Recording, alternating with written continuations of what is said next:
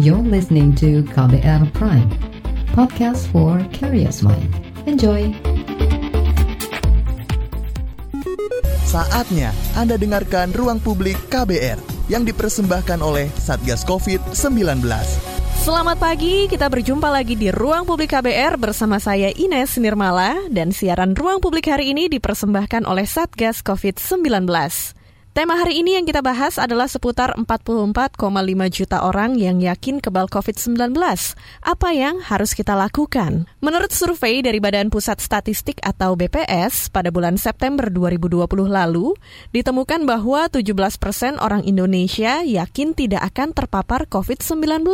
Angka tersebut setara juga dengan 44,5 juta orang dari jumlah penduduk Indonesia saat ini. Keyakinan yang keliru ini tentu sangat membahayakan. Apalagi jika melihat statistik 85% persen penderita COVID-19 masuk dalam kelompok orang tanpa gejala atau OTG. Kombinasi keduanya sungguh akan menjadikan OTG sebagai pembunuh dalam diam bila mereka menularkan kepada orang-orang yang punya penyakit bawaan atau komorbid, yang memiliki resiko fatal bila terjangkit COVID-19.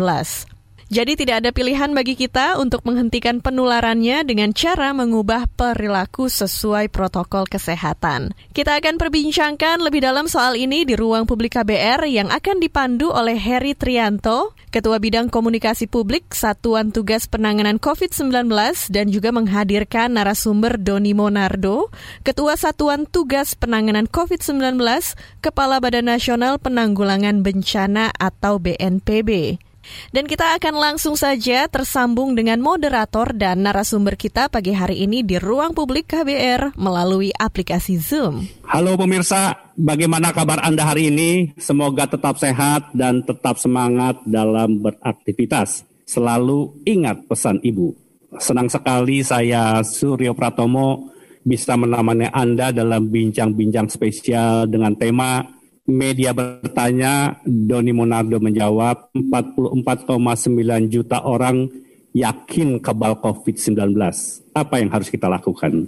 Dan telah hadir bersama saya di studio bersama ini, Letnan Jenderal TNI Doni Monardo, Ketua Satuan Tugas Penanganan COVID-19. Pak Doni, apa kabar Pak Doni? Kabar baik Pak Tommy. Pak Doni, kelihatan baru kembali dari daerah Pak minggu lalu saya dengar Bapak berkunjung ke wilayah barat Indonesia, Kepulauan Riau, Sumatera Utara, Aceh. Minggu ini Bapak melakukan kunjungan ke empat provinsi, Gorontalo, Sulawesi Utara, Papua, di Pulau Biak, dan ke Bali. Apa yang Bapak tangkap dalam perjalanan ke timur dan ke barat Indonesia ini, Pak? Terima kasih Pak Tome, uh, para pemerintah sekalian uh, perlu saya jelaskan bahwa tugas saya selaku Ketua Gugus Tugas mendapatkan instruksi dari Bapak Presiden Jokowi untuk memperhatikan seluruh wilayah nasional kita, terutama daerah-daerah yang memiliki potensi uh, terjadinya peningkatan. Uh, minggu lalu kami berkunjung ke Sumatera Utara dan juga ke Aceh dan kami berdiskusi untuk langkah-langkah penanganan yang lebih efektif. Kemudian minggu ini kami berkunjung ke empat provinsi yaitu Gorontalo, Sulawesi Utara, eh, Pulau Biak dan juga Bali. Nah khusus untuk Biak dalam beberapa hari terakhir terjadi peningkatan. Kemudian juga fasilitas kesehatannya sangat terbatas.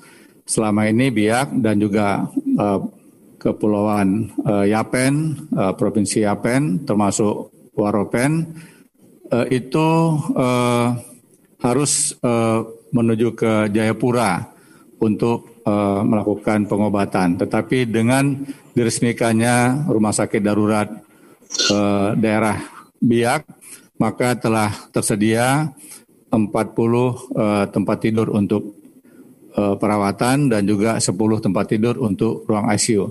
Jadi intinya pemerintah pusat sangat memberikan perhatian kepada seluruh daerah yang memerlukan bantuan dari pemerintah pusat sesuai dengan arahan dari Bapak Presiden Jokowi dan khususnya lagi daerah-daerah yang memang mengalami peningkatan dalam beberapa bulan terakhir. Demikian Pak Tommy. Saya mendengar kabar Pak Bupati Heri uh, Aryo Naap itu begitu apa bersuka cita bahkan masyarakatnya menyambut Bapak dengan begitu antusias. Apa yang mengapa mereka begitu antusias dan kemudian berterima kasih Pak Doni? Jadi eh, Pak Tommy begini, eh, pada bulan April dan juga Mei itu Pak Bupati Pak Heri Aryo Naab mengirimkan pesan WhatsApp kepada saya menjelaskan tentang kesulitan mereka mengingat sudah eh, terdapat beberapa pasien COVID tetapi harus dikirim ke Jayapura. Sementara fasilitas yang ada pun sangat-sangat terbatas. Kemudian beliau minta bantuan untuk bisa dibuatkan rumah sakit darurat pen, untuk penanganan COVID.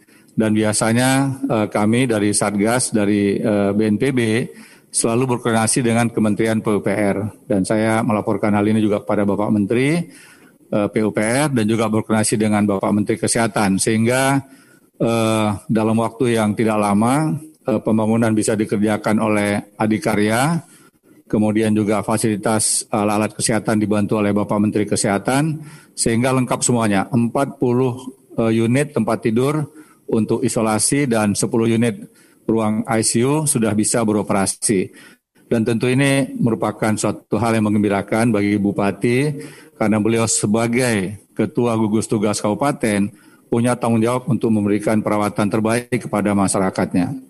Baik, Pak Doni, uh, kembali ke tema yang ingin kita bahas. Ada survei dari apa BPS berkaitan dengan perilaku masyarakat kita. Mereka katanya tidak terlalu peduli pada COVID. Seperti apa sebetulnya Pak Doni kondisinya? Uh, baik Pak Tommy. Uh, jadi sebenarnya survei awal sudah pernah dilakukan oleh uh, Balit Bangkes Kementerian Kesehatan pada bulan Juli yang lalu, di mana ada lima provinsi yang berada pada posisi yang tinggi tingkat uh, keyakinan masyarakat tidak terpapar uh, COVID, yaitu yang pertama adalah DKI dengan angka 30 persen, kemudian Jawa Timur 29 persen, lantas Jawa Tengah 18 mm, persen, kemudian Jawa Barat 16 eh, persen, dan Kalimantan Selatan 14 persen. Nah, tetapi data yang terakhir yang berhasil dihimpun oleh uh, Badan Pusat Statistik, ternyata secara nasional masih ada 17 persen warga negara kita yang merasa yakin dan sangat tidak yakin atau sangat tidak mungkin akan terpapar COVID-19.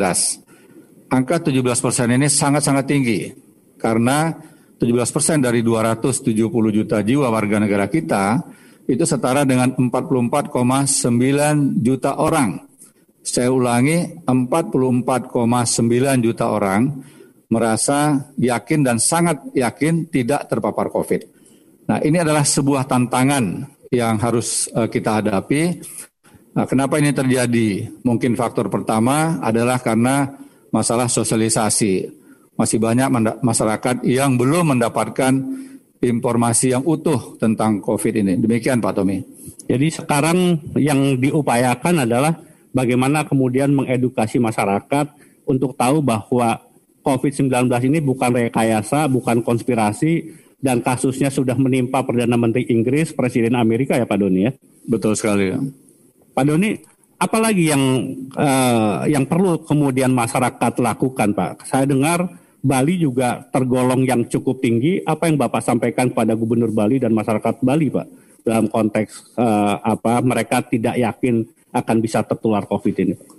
Baik Pak Tommy, jadi Bali termasuk urutan ke-11 dari 34 eh, provinsi yang uh, masyarakatnya merasa uh, yakin tidak terpapar COVID. Peringkat pertama itu adalah Maluku dengan angka 29 persen adalah Maluku.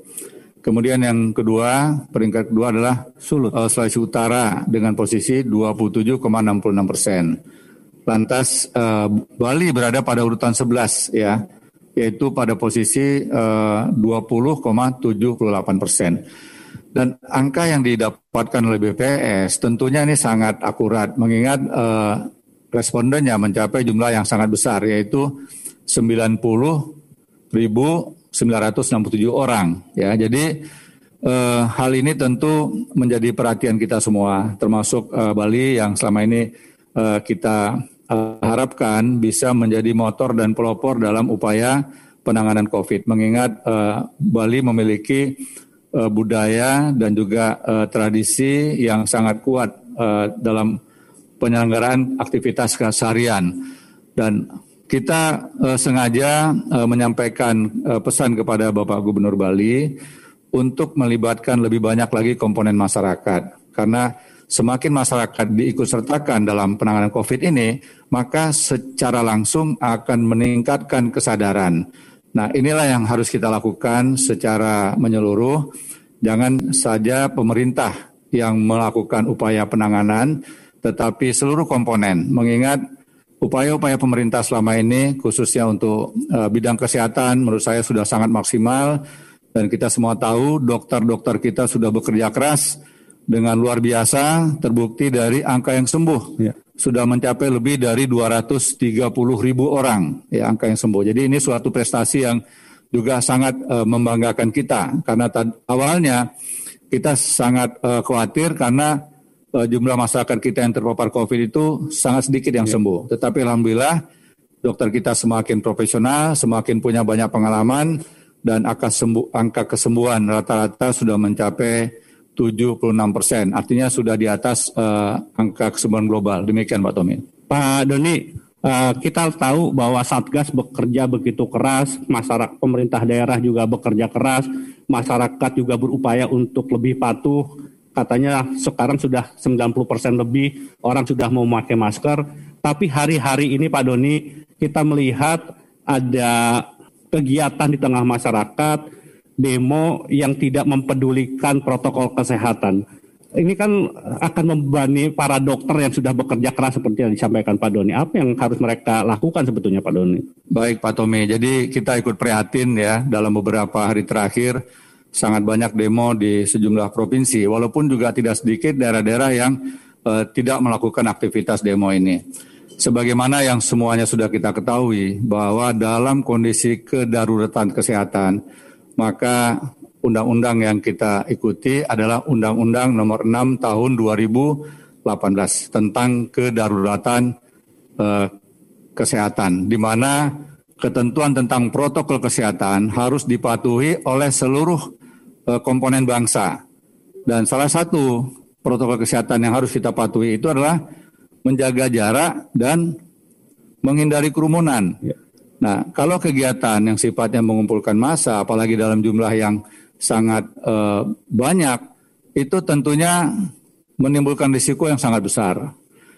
Karena bisa saja di antara masyarakat yang berkumpul itu ada yang positif COVID, ya, dan bisa jadi ketika nanti terjadi hubungan yang sangat dekat, akibatnya yang lain bisa terpapar COVID. Nah, ketika pulang ke rumah bertemu dengan orang-orang yang disayangi, orang-orang yang dikasihi, maka bisa juga mereka yang tidak pernah keluar rumah pun akan terpapar COVID. Risikonya sangat besar bagi keluarga yang punya komorbid atau mereka yang sudah lansia. Karena angka kematian bagi komorbid dan lansia itu sangat besar Pak Tommy. Ya. Nah, oleh karenanya saya selaku Ketua Gugus Tugas mengajak kepada seluruh komponen masyarakat, seluruh pimpinan di berbagai lapisan, baik di pusat dan di daerah, untuk memperhatikan protokol kesehatan.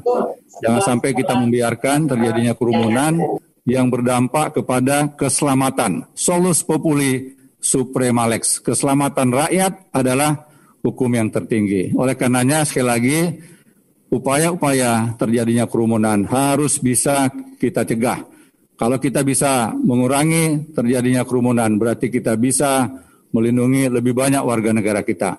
Penanganan kesehatan sudah semakin baik. Kita lihat jumlah rumah sakit juga semakin baik. Dan kita berharap dokter-dokter kita tidak kelelahan, Pak Tommy. Ya. ya. Nah, sehingga dokter punya waktu dan kesempatan untuk rileks, untuk istirahat. Karena kalau kita bebankan dokter tidak punya waktu yang cukup untuk istirahat, maka dampaknya juga sangat fatal. Jadi kita hanya diminta untuk patuh kepada protokol kesehatan. Memakai masker, menjaga jarak dan menghindari kerumunan, serta mencuci tangan. Belum sebanding Pak Tommy dengan pengorbanan para dokter yang berjuang untuk mengobati pasien di rumah sakit. Ya, itu dia narasumber kita Bapak Doni Monardo, Ketua Satuan Tugas Penanganan COVID-19 dan juga Kepala BNPB di Ruang Publik KBR. Dan kita akan lanjutkan lagi siaran kita setelah jeda. Dan nantinya Anda juga bisa mendengarkan lagi siaran Ruang Publik melalui podcast di www.kbrprime.id pilih Ruang Publik. Saatnya Anda dengarkan Ruang Publik KBR yang dipersembahkan oleh Satgas COVID-19. Anda masih mendengarkan siaran tunda Ruang Publik KBR yang dipersembahkan oleh Satgas COVID-19. Dan tema pagi hari ini yaitu 44,5 juta orang yakin kebal COVID-19 apa yang harus kita lakukan. Ruang Publik KBR juga bisa kita simak di 100 radio jaringan KBR di seluruh Indonesia dari Aceh hingga Papua dan di 104,2 MS3 FM Jakarta. Langsung saja kita akan kembali menyimak perbincangan antara narasumber kita Bapak Doni Monardo, Ketua Satuan Tugas Penanganan COVID-19 dan juga Kepala Badan Nasional Penanggulangan Bencana atau BNPB bersama moderator Heri Trianto, Ketua Bidang Komunikasi Publik Satuan Tugas Penanganan COVID-19. Pak Doni, ini ada beberapa pertanyaan dari teman-teman media. Ini ada Arthur Tyson, dia menanyakan masih banyak informasi yang tidak akurat alias hoax yang tersebar membuat rakyat jadi bingung atau cuek soal COVID-19. Apa yang bisa dilakukan BNPB terkait simpang siurnya berita-berita hoax atau misinformasi, Pak? Uh, Pak Tommy, ini pertanyaan sangat bagus sekali. Jadi eh, terhitung tanggal 1 Oktober, Satgas sudah bekerja sama dengan Dewan Pers dan juga diikuti oleh seluruh organisasi eh, wartawan yang ada untuk bersama-sama menyusun suatu program. Dan eh, Satgas mengikut sertakan 5.800 orang wartawan dari seluruh Indonesia untuk ikut bersama-sama dalam program perubahan perilaku. Sekaligus juga adalah untuk menangkal berita-berita yang tidak tepat atau hoax. Nah, kita harapkan upaya yang sinergi antara media dengan seluruh komponen masyarakat bisa meningkatkan kesadaran masyarakat bahwa COVID ini nyata. COVID ini bukanlah rekayasa. COVID ini bukanlah konspirasi. Korban jiwa di tingkat global telah mencapai lebih dari satu juta orang dan yang terpapar COVID telah lebih dari 35 juta orang. Di tanah air kita pun angkanya sangat besar, sudah lebih 300 ribu orang yang terpapar COVID dan yang wafat, yang meninggal sudah lebih dari 11 ribu orang, termasuk gugur, para dokter yang gugur dalam melakukan tugasnya. Pak, ini tanya satu lagi pertanyaan Pak. Apakah ada sanksi tegas kepada masyarakat yang tidak peduli pada protokol kesehatan? Pemerintah telah menerbitkan Inpres nomor 6 tahun 2020 ya, terkait dengan masalah uh, sanksi bagi mereka melanggar. Jadi aparat kepolisian dan juga Satpol PP telah diberikan kewenangan untuk memberikan sanksi bagi mereka yang melanggar. Dan sejumlah pemerintah daerah itu telah melakukan sanksi kepada mereka yang melanggar, baik secara persorangan maupun juga dalam bentuk uh, perusahaan. Dan kita memberikan apresiasi atas langkah-langkah yang telah dilakukan oleh pemerintah daerah bersama dengan aparat yang ada. E, tentunya e, sanksi ini harus diikuti juga dengan sanksi sosial bagi mereka yang tidak patuh kepada protokol kesehatan. Di beberapa daerah kami dengar tokoh-tokoh yang ada, terutama tokoh agama, itu memberikan sanksi yang sangat keras kepada mereka yang melakukan pelanggaran. Termasuk juga tokoh adat memberikan sanksi sosial kepada mereka yang tidak patuh. Karena konsekuensi dari pelanggaran ini dapat mengakibatkan risiko yang sangat besar. Kita tidak berharap kasus-kasus yang terjadi menambah korban jiwa. Memang kelihatannya bagi mereka yang usianya masih muda dan sehat, mereka bisa sembuh dalam waktu yang tidak lama.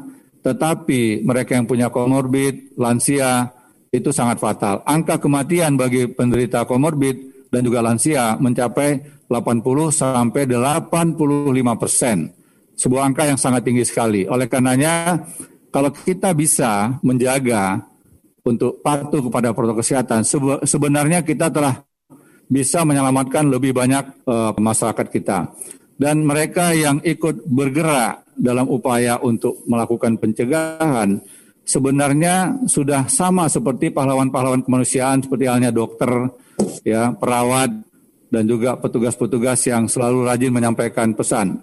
Nah, teman-teman wartawan juga ya kita harapkan ikut bergerak dalam bidang upaya pencegahan. Dan saya berpikir uh, para wartawan dan juga para musisi yang bergabung dalam program-program untuk mengingatkan masyarakat itu juga bisa kita kategorikan sebagai pahlawan-pahlawan kemanusiaan. Demikian Pak Tommy. Baik. Pak itu yang menarik tadi Bapak menyampaikan soal yang komorbid Pak.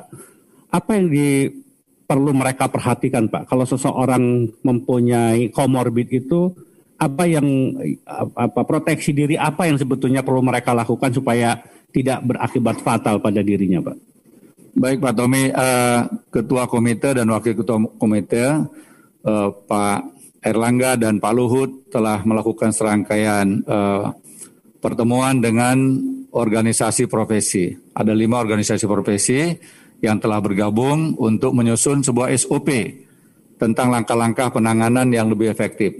Intinya, eh, mereka yang secara risiko tinggi itu harus lebih awal diketahui. Kalau sudah positif COVID, maka penanganannya harus sedini mungkin. Nah, kalau kita lihat eh, data yang sudah ada, terutama dari beberapa rumah sakit, pasien dengan risiko ringan itu hampir 100% Pak Tommy sembuh. Ya. Sedangkan pasien dengan risiko uh, sedang itu angka kematiannya sekitar 2,6 persen. Kemudian uh, uh, pasien dengan risiko sedang itu angka kematian sekitar 8 persen. Dan uh, yang sudah uh, berat serta kritis, angka kematiannya bisa mencapai 67 persen. Jadi jangan sampai mereka yang punya komorbid ini ya terlanjur masuk kepada fase yang yang sedang dan berat ya tadi pagi pada saat Vikon dengan uh, Gubernur Bali, uh, Gubernur Bali dan juga uh, Ketua Bidang Penanganan COVID yaitu Dr. Alex uh, Ginting. Uh, Ginting mengatakan proses uh, dari gejala ringan ke gejala sedang itu bisa berlangsung lebih dari satu minggu. Tetapi ketika kondisinya memburuk dari gejala sedang ke uh, berat itu hitungannya bisa jam, ya. Jadi ini yang harus kita pahami uh, uh, kepada seluruh masyarakat yang punya risiko tinggi untuk mengetahui kondisi diri masing-masing. Sehingga ketika sudah ada gejala, jangan menunggu gejala ini menjadi uh, uh, bertambah, segera dilakukan upaya-upaya pengobatan sehingga uh, bisa lebih cepat diselamatkan. Demikian Pak Tommy. Jadi kita yang yang tahu penyakit komorbid itu hanya kita sama dokter ya Pak ya. Betul. Jadi kalau kita sudah tahu punya komorbid apakah itu diabetes, jantung, hipertensi, lebih baik kita tidak ambil risiko gitu ya Pak Doni ya. Betul sekali Pak. Jadi jangan melakukan aktivitas yang punya risiko, terutama beraktivitas di luar di ruang publik. Demikian juga uh, harus selalu ingat ya masker tidak boleh dilepas. Kemudian cara menggunakan masker juga harus tepat. Termasuk juga uh, jenis masker yang digunakan kalau di daerah yang rawan itu juga semuanya harus diperhitungkan. Demikian Pak Tommy. Baik. Pak, ini ada wartawan mau bertanya. Silakan. Ya, saya Haryo Mas Tommy. Salam hormat untuk Pak Doni dan seluruh teman-teman dari uh, Satgas. Pertama-tama saya ucapkan terima kasih atas kesempatannya bisa bertanya langsung dengan Pak Doni. Uh, kalau kita lihat dari uh, kesembuhan dari uh, masyarakat Indonesia, kita lihat uh, saya pribadi dan mungkin juga masyarakat Indonesia turut bergembira ya mengenai progresnya yang uh, luar biasa. Namun uh, kalau kita lihat uh, untuk melakukan sosialisasi menggunakan uh, masker, uh, dis, physical distancing maupun hal-hal lain, ini kayaknya perlu dilakukan uh, secara masif lagi, Pak. Uh, karena yang kita lihat beberapa masyarakat yang sudah aware terhadap uh, protokol tersebut tapi di lain pihak eh, kalangan-kalangan tertentu masih juga belum aware sehingga apa yang disampaikan oleh eh, Satgas melalui media ini kita lihat kesadaran masyarakat eh, saat ini bergantung pada hal-hal yang disampaikan oleh sejumlah kalangan termasuk media Pak dengan berbagai testimoni-testimoni yang ada pengalaman-pengalaman yang ada ini menjadi masyarakat jadi lebih aware lagi merasa bahwa oh iya memang harus melakukan itu dan itu bukan sesuatu yang formal atau yang biasa-biasa saja. Ini adalah suatu yang luar biasa sebelum kita mendapatkan uh, vaksinnya. Itu yang pertama, Pak. Terus yang kedua, saya yakin sekali ketika masyarakat ingin melakukan tes sendiri berkaitan dengan kesehatannya, kami juga sudah cukup gembira kalau tidak salah sudah ada patokan harga yang uh, di, dirilis oleh pemerintah uh, mengenai berapa harga yang harus dikeluarkan di setiap rumah sakit. Namun ini perlu digelorakan juga bahwa sebenarnya tes di puskesmas, tes di tempat-tempat pemerintah ini uh, bisa ditanggung oleh pemerintah sehingga rasanya uh, apa tidak perlu bayar, namun informasi ini perlu diakselerasi lebih kuat lagi Pak, agar masyarakat tahu bahwa kalau di puskesmas itu bisa ditreatment mungkin secara uh, baik dan gratis begitu. Demikian, terima kasih Mas Tommy. Terima kasih. Baiklah saudara, kembali lagi bersama saya Ines Nirmala di Ruang Publik KBR dan sudah ada beberapa pertanyaan yang masuk melalui aplikasi Zoom dan akan dijawab setelah jeda. Siaran ini nantinya juga bisa Anda dengarkan lagi lewat podcast di kbrprime.id dan Ruang Publik KBR akan segera kembali setelah yang berikut ini. Saatnya Anda dengarkan Ruang Publik KBR yang dipersembahkan oleh Satgas COVID-19. Ya, Anda masih mendengarkan Ruang Publik KBR bersama saya Ines Nirmala dan siaran tunda Ruang Publik KBR pagi ini dipersembahkan oleh Satgas COVID-19 di mana kita membahas tema yaitu 44,5 juta orang yang yakin kebal COVID-19. Apa yang harus kita lakukan? Langsung saja kita melanjutkan perbincangan kita sekaligus menjawab pertanyaan dari Haryo perihal edukasi tentang protokol kesehatan yang harus ditingkatkan serta informasi tentang tes COVID di puskesmas yang katanya gratis namun seperti apa pelayanannya. Mari berikut ini kita simak jawabannya sekaligus kita lanjutkan perbincangan bersama moderator Heri Trianto, Ketua Bidang Komunikasi Publik Satuan Tugas Penanganan COVID-19 bersama narasumber kita Bapak Doni Monardo, Ketua Satuan Tugas Penanganan COVID-19 serta Kepala Badan Nasional Penanggulangan Bencana atau BNPB. Jadi kalau kita lihat uh, survei BPS menunjukkan angka penggunaan masker mengalami peningkatan. Tetapi uh, sekali lagi uh, tingkat kepatuhan menggunakan masker ini yang masih tidak semuanya melakukannya dengan cara yang benar. Ya, jadi cara yang benar. Uh, menggunakan masker itu harus dilakukan sepanjang waktu selama berada di area publik. Nah, termasuk juga di rumah ketika ada uh, dari anggota keluarga yang sering beraktivitas di luar rumah, saat kembali ke rumah, maka anggota yang di rumah pun harus tetap menggunakan masker ketika berhubungan dengan anggota keluarga yang beraktivitas di luar rumah. Kenapa demikian? Karena data yang kami peroleh, 7 persen eh, responden yang diwawancarai di Wisma Atlet pada eh, bulan yang lalu, itu adalah kelompok masyarakat yang tidak pernah keluar rumah. Mereka berada di rumah, tapi mereka terpapar COVID. Jadi sangat mungkin mereka terpapar dari anggota keluarga yang beraktivitas di luar rumah. Kemudian menyangkut masalah uh, uh, tes swab PCR. Pemerintah telah menyalurkan uh, sejumlah mesin ke sejumlah daerah, mesin uh, PCR. Yang tadinya pada awal COVID ini kita hanya punya satu laboratorium yang berfungsi yaitu Balit Bangkes Kemenkes. Kemudian bertahap, bertahap, bertahap dan sekarang ini sudah ada 374 uh, laboratorium suatu angka yang sangat banyak, ya sangat besar. Demikian juga eh, kemampuan testing per hari yang semula 2.000, kemudian meningkat menjadi 10.000, 20.000, 30.000. Nah sekarang sudah rata-rata di atas 35.000. Bahkan pernah menyentuh mendekati 50.000 spesimen yang diperiksa. Hanya memang eh, belum merata ke seluruh Indonesia.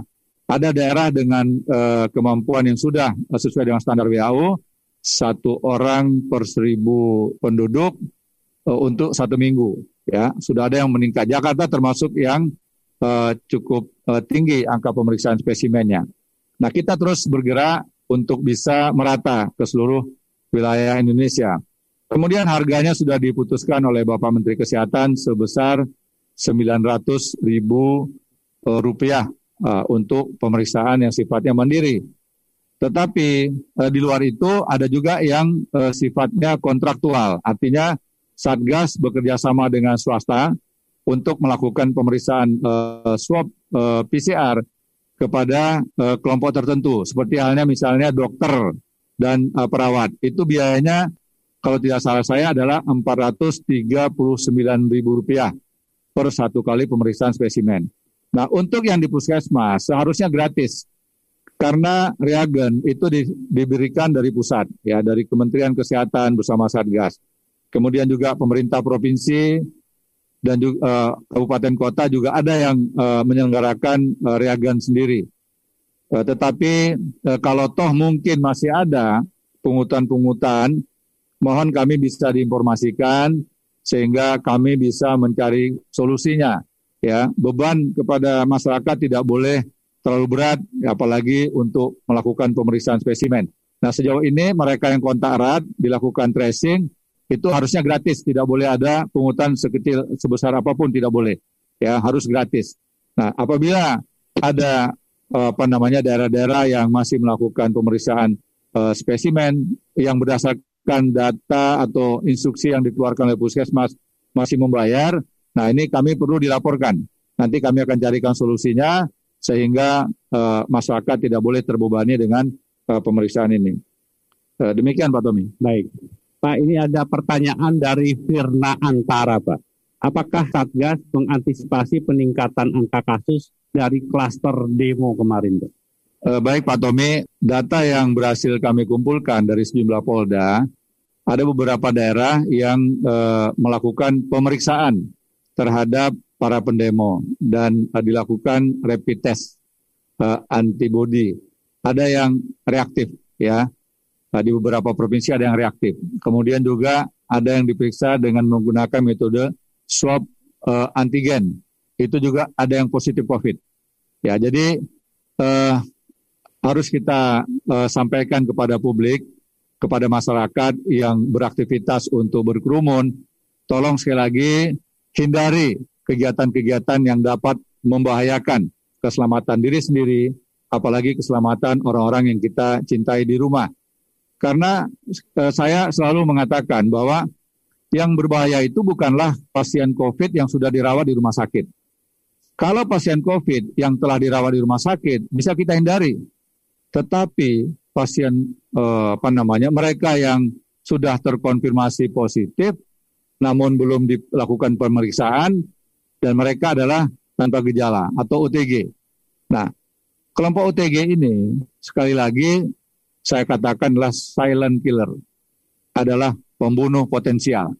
Ketika mereka pulang ke rumah, mereka tanpa sadar, tanpa sengaja, lantas bisa menulari keluarga yang lain, dan apalagi keluarga tersebut punya risiko yang tinggi, yaitu punya komorbid dan juga lansia, maka sangat fatal.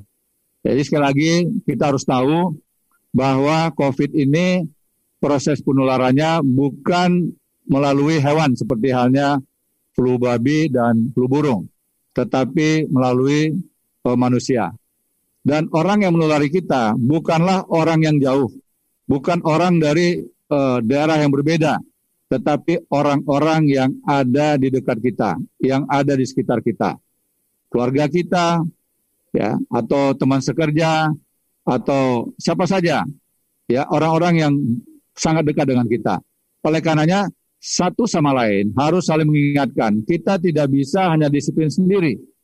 Kalau kita tidak bisa mengajak orang lain disiplin, maka ya mohon maaf kita disiplin pun ya pada saatnya nanti tinggal nunggu waktu kita bisa terpapar COVID. Demikian Pak Tony. Jadi hak demokrasi silahkan, tetapi sayangi diri kita, sang keluarga kita begitu ya Pak Doni. Betul Pak Tommy. Sayangi diri kita, sayangi keluarga kita dan kita juga uh, tidak tahu ya sampai kapan COVID ini akan berlangsung. Ya vaksin dalam proses. Sejumlah menteri dipimpin oleh Bapak uh, Menko Marves, Bapak Luhut Bin Sarpanjaitan, sekarang sedang ada di beberapa negara untuk mengurus vaksin dan kita harapkan vaksin yang nanti-nantikan tidak lama lagi akan bisa diberikan kepada uh, masyarakat, terutama kepada kelompok rentan, yaitu uh, mereka yang uh, bertugas sebagai dokter dan juga tenaga kesehatan itu menjadi prioritas utama. Kemudian juga aparat-aparat yang selalu berhadapan dengan uh, masyarakat. Tetapi sekali lagi, adanya vaksin belum tentu akan uh, akan bisa uh, apa namanya uh, seluruhnya akan kebagian gitu, belum tentu ya karena jumlahnya terbatas. Dan uh, vaksin ini pun baru bisa secara menyeluruh diberikan itu mungkin baru tahun depan. Jadi sambil menunggu vaksin uh, yang akan diberikan kepada masyarakat, ya maka vaksin yang terbaik sekarang adalah ya vaksin patuh kepada protokol kesehatan, pakai masker, jaga jarak, menghindari kerumunan dan mencuci tangan sesering mungkin dengan sabun dan air mengalir atau menggunakan uh, cairan disinfektan.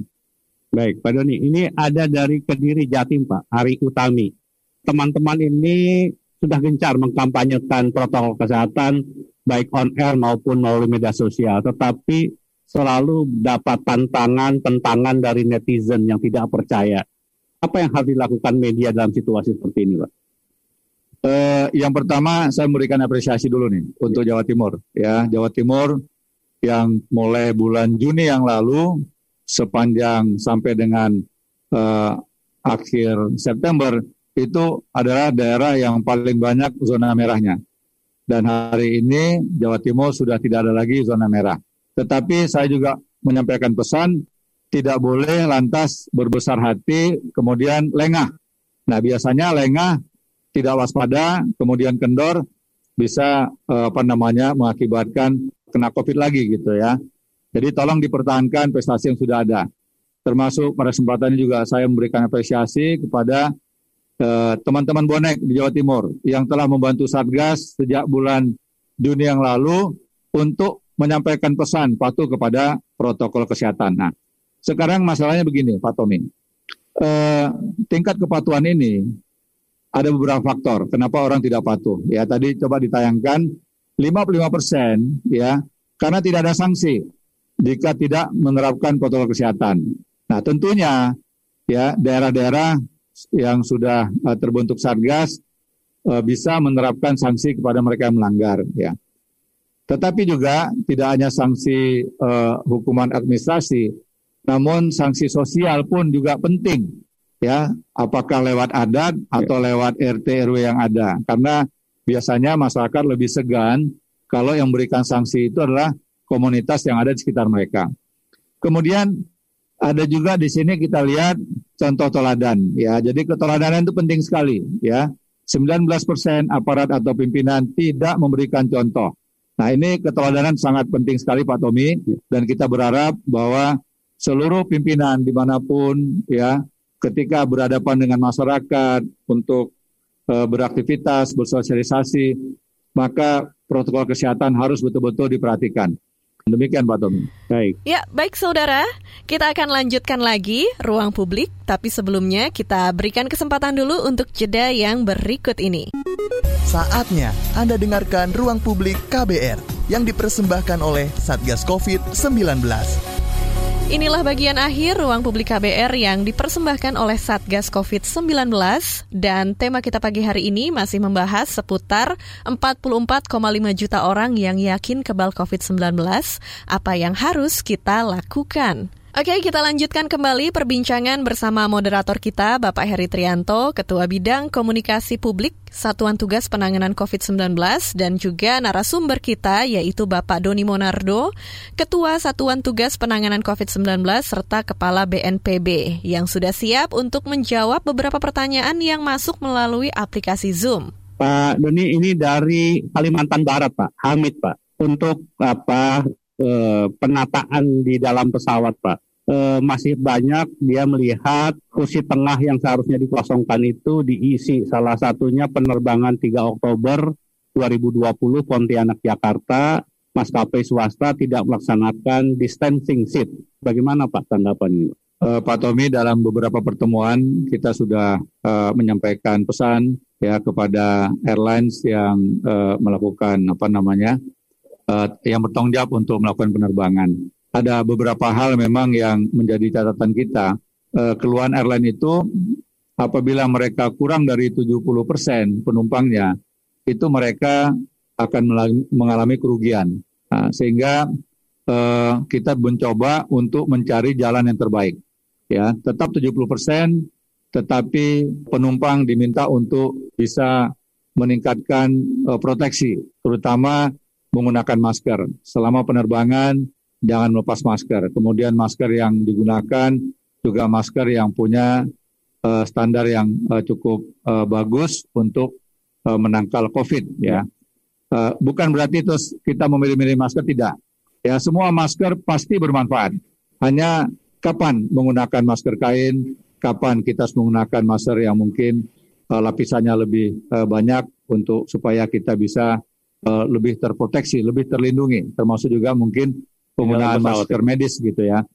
Uh, kami dari Satgas akan mencoba kembali untuk mengingatkan kepada airlines dan juga perusahaan-perusahaan penerbangan yang uh, bertang apa yang yang mengelola uh, pengaturan uh, seat di dalam pesawat. Dan uh, kita yakin uh, kalau protokol kesehatan ini bisa diterapkan dengan baik, kemudian juga airlines bisa mengatur posisi tempat duduknya dengan uh, baik juga, dan tentunya juga kita tidak ingin airlines juga rugi. Ya, jadi angka 70% atau 75% dari kapasitas uh, penumpang mungkin ini adalah salah satu cara yang terbaik. Ya, di satu sisi airline tidak rugi, di sisi lain juga masyarakat bisa terjamin apa namanya keselamatannya dan juga masalah perasaan. Jadi kalau sudah Eh, kita berada dalam pesawat, kita bersama dengan orang lain, mungkin kita juga merasa khawatir. Tetapi kalau seandainya kita terbang dengan uh, keluarga sendiri, ya bersebelahan, saya rasa mungkin itu uh, relatif lebih aman. Demikian. Baik. Pak, ini ada Rafik dari Jakarta. Terima kasih Mas Tommy atas kesempatannya. Terima kasih Pak Doni. Salam sehat dulu. Usul saya, orang-orang yang merasa dirinya kebal dan yakin tidak akan tertular COVID itu, kita jadikan relawan saja di Wisma Atlet. Kita kasih tugas mengganti spray, memandikan pasien yang sudah positif COVID, dan kemudian membersihkan limbah yang ada di uh, Wisma Atlet. Dengan demikian, uh, para dokter, perawat, dan tenaga kesehatan bisa istirahat sejenak. Kita biarkan orang-orang yang kebal itu untuk uh, mengambil alih sementara tugas-tugas tenaga kesehatan. Kemudian yang kedua pertanyaan adalah, adakah sanksi tegas untuk pagar yang makan tanaman, untuk tongkat yang membawa rebah? Seringkali kita melihat justru pejabat pejabat publik yang melakukan pelanggaran atas protokol kesehatan, masih ke kafe, masih karaoke, masih bikin pesta kawinan, masih bikin pesta sunatan, buka panggung wayang, mengundang artis dangdut gitu. Nah, sanksi apa selama ini yang diberikan oleh pemerintah kepada justru uh, kepada pejabat yang seperti itu apakah bisa diambil tindakan Terima kasih Mas Rafiq uh, atas usulnya. Jadi mereka yang uh, yakin dan sangat yakin tidak akan terpapar COVID uh, disarankan untuk jadi sukarelawan di Smart ya ini himbauan siapa tahu ada yang berminat nanti boleh mendaftar kepada tim Wisma Atlet ya.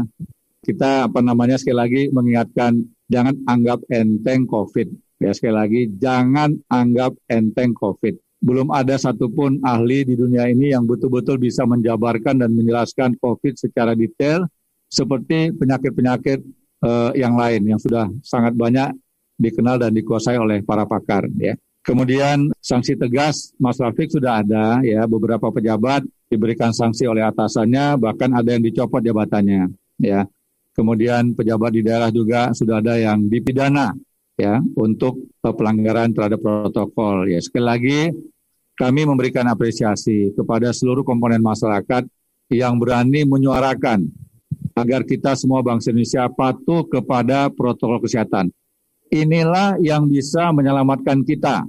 Karena obat belum ada, vaksin juga masih dalam proses. Ya sekali lagi, apa yang kita lakukan taat dan patuh kepada protokol kesehatan belum sebanding dengan pengorbanan para dokter dan tenaga kesehatan lainnya yang merawat pasien. Ya, mari kita hargai pengorbanan dan seluruh jeripayah dari para dokter dan tenaga kesehatan. Kita hanya diminta untuk patuh saja. Masa kita nggak bisa? Ya, kami dari Satgas mencoba untuk merancang eh, konten-konten uh, yang dapat dipahami oleh masyarakat dengan mudah sehingga juga bisa dipatuhi. Seperti halnya ada tiga wajib. Wajib yang pertama itu adalah wajib kita menjalankan ibadah sesuai dengan agama masing-masing. Bisa ditayangkan ya. Yang kedua adalah wajib untuk patuh pada protokol kesehatan. Tadi sudah uh, saya sampaikan ya. Kemudian wajib yang ketiga itu wajib untuk meningkatkan imunitas ya. Itu wajib olahraga, istirahat teratur, kemudian tidak boleh panik, harus gembira dan juga memakan makanan yang bergizi serta e, meminum vitamin. Nah, kalau tiga wajib ini ya bisa kita penuhi ya kita beriman sesuai dengan kepercayaan dan keyakinan masing-masing, kita memproteksi diri uh, untuk melindungi diri kita dari ancaman COVID ya dengan patuh pada protokol kesehatan dan juga meningkatkan imunitas kita, maka ini adalah strategi yang paling ampuh selama vaksin belum ada dan obatnya juga belum ditemukan. Demikian Pak Tommy. Baik, terima kasih Pak Doni. Kita sudah di penghujung acara. Terima kasih kepada semua media yang telah menyampaikan pertanyaannya. Mudah-mudahan bincang hari ini bisa bermanfaat untuk kita semua. Terakhir tentunya jangan lupa para pemirsa untuk selalu memakai masker, menjaga jarak dan menghindari kerumunan, serta mencuci tangan pakai sabun dengan air yang mengalir. Ingat pesan Ketua Satgas Penanganan COVID-19 Bapak Doni Monardo, apa yang kita lakukan agar disiplin dan patuh memakai masker, menjaga jarak dan menghindari kerumunan, serta mencuci tangan belum sebanding dengan beratnya perjuangan dokter dan tenaga kesehatan yang merawat pasien di rumah sakit. Begitu ya Pak Doni ya? Betul sekali Pak Tommy. Jadi kita harus membantu dokter-dokter itu dengan kita mendisiplinkan diri kita, menjaga menerapkan protokol kesehatan dan dengan itulah kita akan meringankan tugas para dokter. Sangat betul. Ya, itu yang menjadi kampanye kita dan itu yang dilakukan oleh Satgas juga ya Pak ya. Betul, betul sekali Pak. Baik. Jadi kita harus sayang dengan dokter kita, jumlah dokter kita terbatas, dokter uh, secara total jumlahnya kurang dari 200 ribu, dokter spesialis kita kurang dari eh, uh, 36 ribu dan dokter paru kita kurang dari 2 ribu orang. Jadi kehilangan satu dokter adalah kehilangan buat uh, bangsa kita. Oleh karenanya mari kita lindungi para dokter kita dengan cara kita patuh kepada protokol kesehatan. Baik. Saya akhiri talk show kita hari ini. Saya Surya Pratomo bersama tim yang bertugas dan pembicara pamit undur diri sampai berjumpa kembali. Baiklah saudara, itu dia perbincangan di ruang publik KBR yang dipersembahkan oleh Satgas COVID-19. Dan karena waktu yang terbatas, kita akan akhiri perbincangan kali ini. Terima kasih atas kebersamaan Anda dan selalu ingat pesan Ibu untuk memakai masker, rajin cuci tangan, serta menjaga jarak.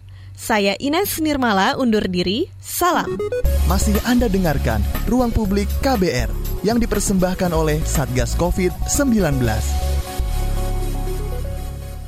KBR Prime, cara asik mendengar berita. KBR Prime, podcast for curious mind.